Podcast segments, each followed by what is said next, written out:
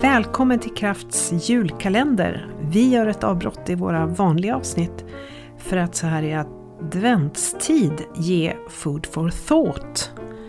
Eh, det blir ett avsnitt om dagen, ungefär 7-12 minuter. Det kan variera lite beroende på ämne och lust här i Kraftpodden.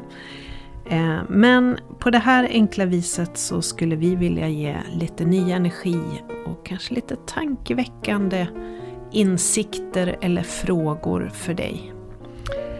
Och eh, vi hoppas att eh, du som lyssnar ska tycka att det här inspirerar och vi vill samtidigt passa på att önska dig en riktigt fin decembermånad. Och så småningom en riktigt god jul och ett gott nytt år. Välkommen! 20 december och lucka nummer 20 i Kraftpodden. Jag tänkte att jag skulle vilja ta lite inspiration av eh, en av de böcker jag läst under året som ligger på bra-listan. Det finns ju halvbra lista och så finns det ju en dålig lista också naturligtvis. Men på bra-listan så har jag en bok som heter Generalsekreteraren som eh, har bredvid mig här. Den är skriven av Per Starke om eh, Dag Hammarskjöld.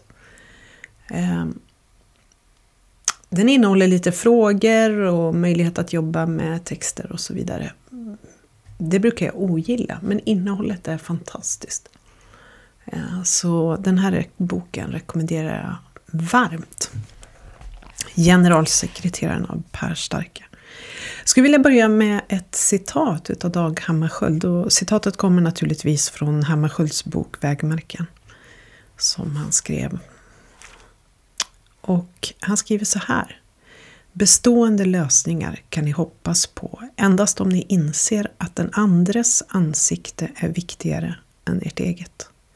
Om ni söker något för egen räkning kan ni inte hoppas på framgång i er talan för andra. Bestående lösningar kan ni hoppas på endast i en kontakt där ni ser den andra utifrån men likväl upplever hans svårigheter inifrån.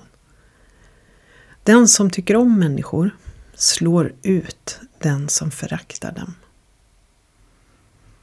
Mm, kärnfullt. För mig så kopplar det här till naturligtvis många olika saker. Både till människosyn som vi har i vår modell som tro. Att tro på människor, tro gott om människor och alltid tänka att människor är fantastiska. Tänka gott om människor. Eh, någonting som Hammarskjöld höll med om är viktigt. Han säger till och med så här, vårt förhållande till våra medmänniskor bestämmer inte vår inställning till ideal, utan det bestämmes av våra ideal. Tillbaka till citatet jag inledde med, som avslutas så här. Bestående lösningar kan ni hoppas på endast i en kontakt där ni ser den andra utifrån men likväl upplever hans svårigheter inifrån.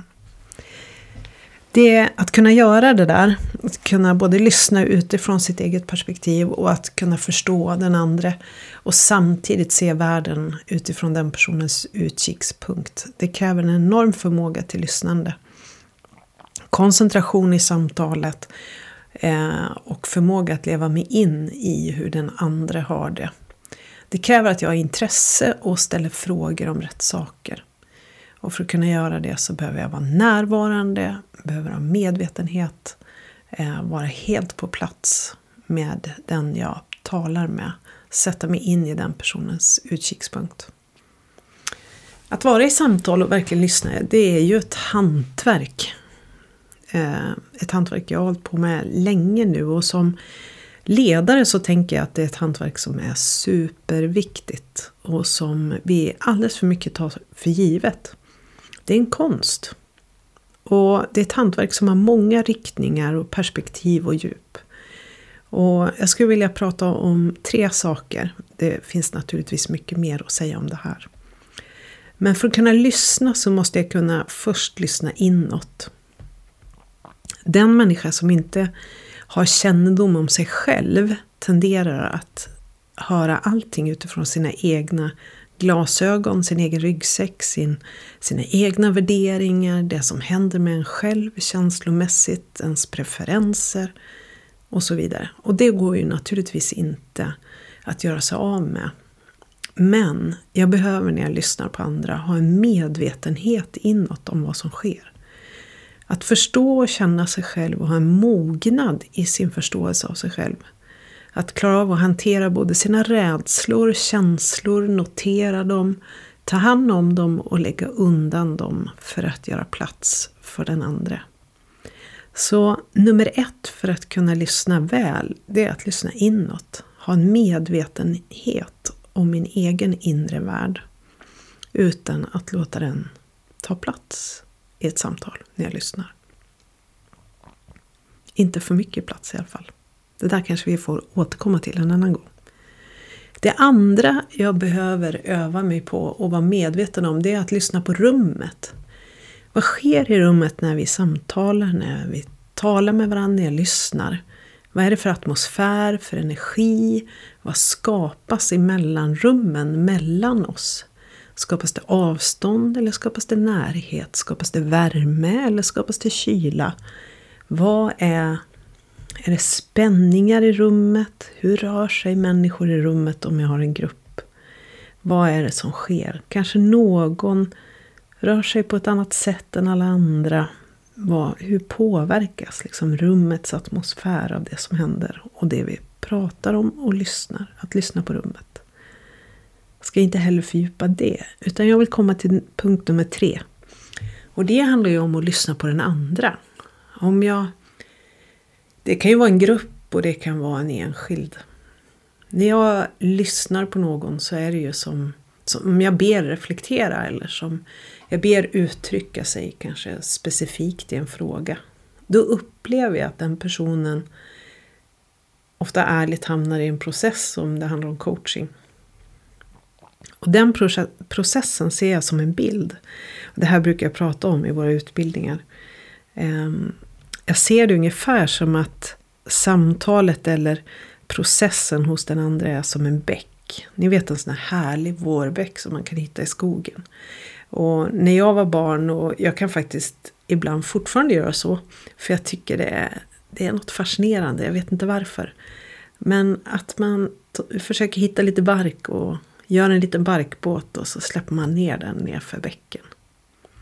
Att lyssna på en annan människa, det är lite som att sitta bredvid den där bäcken och ibland så dyker det upp en barkbåt guppande på ytan.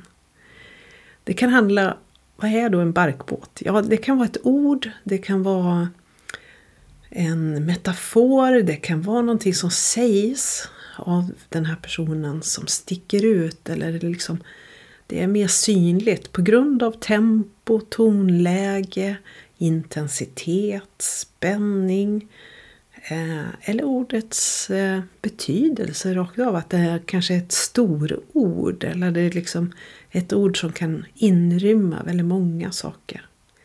Kalla dem nyckelord kan man göra också. I någons berättelse.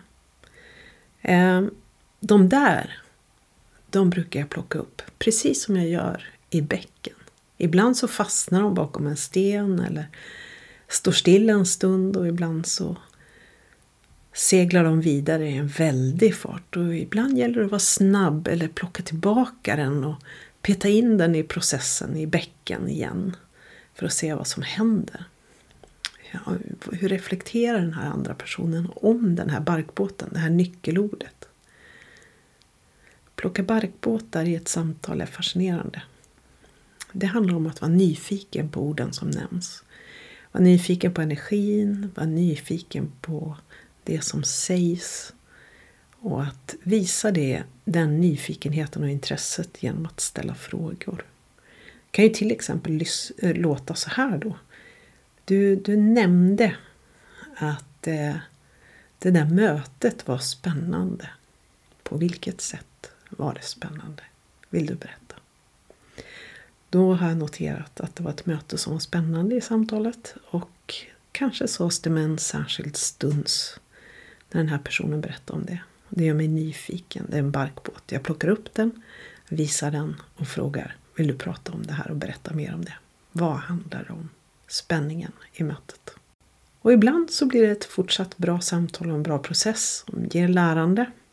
Och ibland så var det en död båt som vi stoppade vidare in ner i bäcken och den får rinna iväg med bäcken.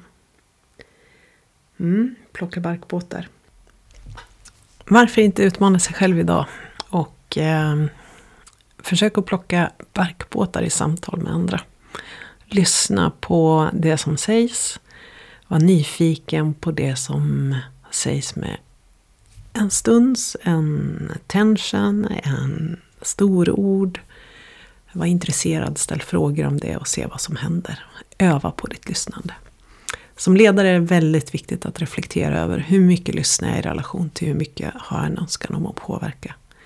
Ofta så ligger vi lite för högt i önskan om att påverka och lite för lågt i önskan om att lyssna och ta in.